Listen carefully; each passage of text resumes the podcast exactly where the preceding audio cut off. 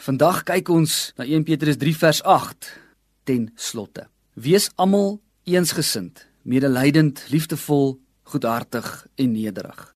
'n Groot deel van ons lewe is verhoudings. Elkeen van ons het verskillende tipe verhoudings. Ons is in 'n verhouding met 'n huweliksmaat, met vriende, met kinders, familielede ensovoorts.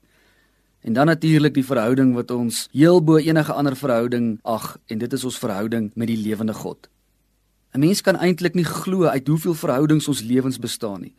Petrus deel belangrike beginsels oor die gelowiges in hulle verhoudings met die staat, met hulle baase, met die owerheid, met hulle huweliksmaat. En dan beweeg Petrus na die verhouding van die gelowiges met alledaagse mense. Mense in die algemeen, ons naaste. Nou wat is die laaste gedagte wat Petrus dan met die gelowiges deel? Onthou nou hy sê ten slotte. So hy sluit hierdie konsep van verhoudings tot 'n mate af. Nou wat wil hy met die gelowiges deel? Hy wil vir hulle van 'n sleutel tot ware lewensgeluk vertel. Nou in vers 10 lees ons hoe Petrus 'n stelling op die tafel plaas. Hy sê as iemand die lewe wil geniet en 'n lang lewe begeer, dan vertel Petrus wat so 'n mens moet doen. Hy sê daar's 5 riglyne en hy sê hierdie 5 riglyne help ons om ons verhoudings te koester en te bewaar.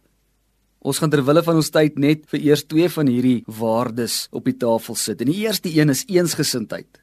Ons moet na hierdie kyk as as common ground in 'n sekere sin. Waar vind ons common ground met ons naaste? Dit is 'n ingesteldheid om nie altyd iets te soek waarmee jy met iemand kan verskil nie.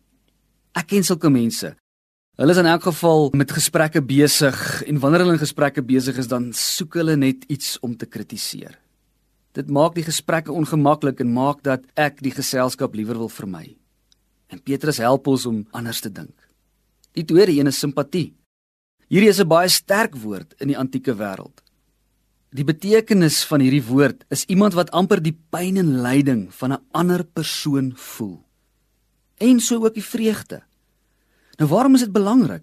Die TV-wêreld met al die nuus en die gewelddadige films het vir my en vir jou gedesentraliseer.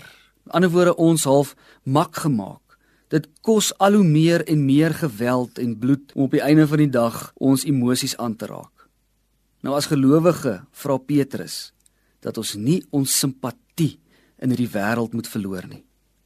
Petrus wil vir my en vir jou aanmoedig miskien weer bewus maak van ons verhoudings met ander mense.